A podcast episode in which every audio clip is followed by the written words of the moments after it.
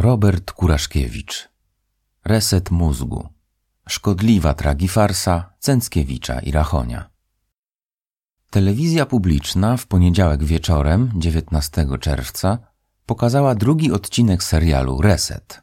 W zamierzeniu ma on odkrywać prawdę o próbach resetu relacji z Rosją podejmowanych przez rząd Donalda Tuska. W rzeczywistości jest tragifarsą przygotowaną przez Sławomira Cęckiewicza i Michała Rachonia.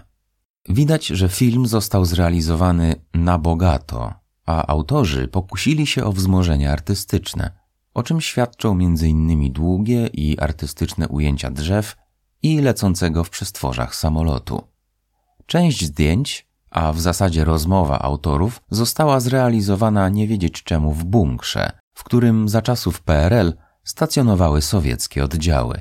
Jak rozumiem, ma to budować grozę wokół działań dwóch głównych negatywnych bohaterów opowieści, czyli Donalda Tuska i Radosława Sikorskiego. Przyznam się, że mój umysł nie nadąża za bogactwem myśli i przekazu autorów.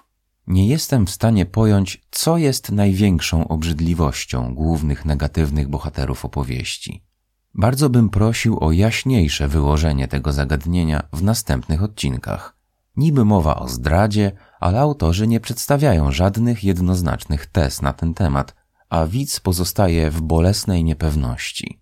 Z drugiej strony mamy tylko zarzuty głupoty i naiwności wobec Rosjan. Sam więc nie wiem, za co widz ma nie lubić Tuska i Sikorskiego. Za zdradę, za głupotę, czy też za zdradę i głupotę. Ta niepewność jest naprawdę obezwładniająca. Dowiedzieliśmy się za to, że w rozmowach polskiego rządu z Rosjanami brał udział oficer SB Zbigniew Żońca, jak również tego, że Amerykanie piszą lepiej notatki ze spotkań dyplomatycznych. Wokół notatki z rozmów Donalda Tuska i Władimira Putina zbudowano zresztą główną oś akcji serialu. Profesor Cęckiewicz dzielnie śledził meandry powstawania tej notatki. Atmosfera budowana wokół niej przypomina sprawę rangi Watergate. Zapewne autor ma rację co do tego, że działanie struktur dyplomatycznych w odniesieniu do powstawania notatki jest wyrazem, co najmniej, braku profesjonalizmu. Również w tym wypadku nie wiadomo jednak, czy jest to głupota władz Platformy, czy też jednak kryje się za tym tajemnica zdrady, bo Tusk chciał ukryć, o czym rozmawiał i co ustalił z Putinem. Z serialu dowiadujemy się przede wszystkim, że Radosław Sikorski jest bardzo złym człowiekiem i Polakiem, a jest tylko jeden gorszy od niego. Imię jego Donald Tusk. W zasadzie nie mam zamiaru dalej analizować serialu, bo szkoda mojego i czytelników czasu. Reset ukazuje przede wszystkim skalę upadku debaty politycznej w Polsce.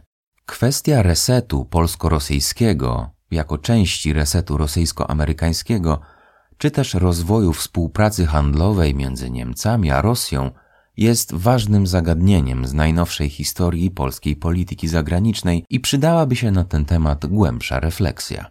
Polska polityka owych czasów wpisuje się przecież w tak zwane liberalne złudzenie, które dominowało na Zachodzie. Sprowadzało się ono do przekonania, że rozwój relacji handlowych i bogacenia się społeczeństw musi doprowadzić do panowania liberalnej demokracji we wszystkich krajach globu. Rozwój handlu polsko-rosyjskiego był przecież tak korzystny dla obu stron, a rozwój handlu niemiecko-rosyjskiego jeszcze bardziej. Wokół serialu Reset można tylko w tym kontekście spuścić zasłonę milczenia, ponieważ zszedł on na poziom mentalnego pałkarstwa. Może nie pasuje do tych postplemiennych czasów, ale według mnie ten poziom dyskusji jest szkodliwy dla Polski. Nieustannie prymitywizując przekaz, po prostu osłabiamy siebie i tracimy zdolność do krytycznej refleksji. Tym groźniejsze jest to w odniesieniu do kwestii związanych z polityką zagraniczną, które z definicji powinny się charakteryzować większą wrażliwością wobec autorytetu państwa. Polityka zagraniczna zawsze musi dbać o interes suwerena, czyli w naszym wypadku państwa polskiego. Dla realizacji tego interesu trzeba rozmawiać z każdym. Manipulowanie teraz w kontekście nadchodzących wyborów kwestią resetu nie szkodzi Tuskowi i Sikorskiemu. Szkodzi przede wszystkim Polsce. Dlatego żyję jeszcze nadzieją, że Komisja do spraw badania wpływów rosyjskich w proponowanej obecnie postaci nie powstanie. Powstanie takiej komisji wzbudzi tylko radość w Moskwie, wściekłość w Waszyngtonie i zadziwienie w Berlinie i Paryżu. Na koniec mam jeszcze propozycję dla autorów filmu. Propozycję przynajmniej na jeszcze jeden odcinek serialu. Rzeczywistym skandalem, który pokazuje słabość polskiego państwa i osłabia nasze relacje z sojusznikami, jest udział w komisji weryfikacyjnej WSI osoby, która została ostatnio aresztowana za współpracę z rosyjskimi służbami. Formalnie aresztowanie zostało dokonane za przekazywanie danych osobowych z Warszawskiego Urzędu Stanu Cywilnego, ale jest to oczywista przykrywka, żeby nie pokazywać realnych strat, które poniosło państwo polskie z powodu działalności tej osoby. Likwidacja WSI, które moim zdaniem należało zlikwidować, pytanie tylko w jaki sposób, odbywała się z udziałem kogoś, kto już wówczas był najprawdopodobniej agentem rosyjskich służb. To jest niewyobrażalny skandal. Współpracownikiem Macierewicza i Cęckiewicza w likwidacji WSI był rosyjski agent. Jakaż to musiała być perfidia ze strony Tuska i Sikorskiego, że do tego doprowadzili? I jakaż przebiegłość Cęckiewicza, który dopuścił Tomasza L. tylko do dysponowania wiedzą marginalną i nieistotną, jak twierdził w rozmowie z Rzeczpospolitą z dnia 8 grudnia 2022. To oczywiście koszmarna satyra, ale sprowadzenie debaty publicznej w Polsce do poziomu napastliwej propagandy jest naprawdę bardzo szkodliwe. Możemy wszystko doprowadzić do zarzutów, kto jest lepszym agentem.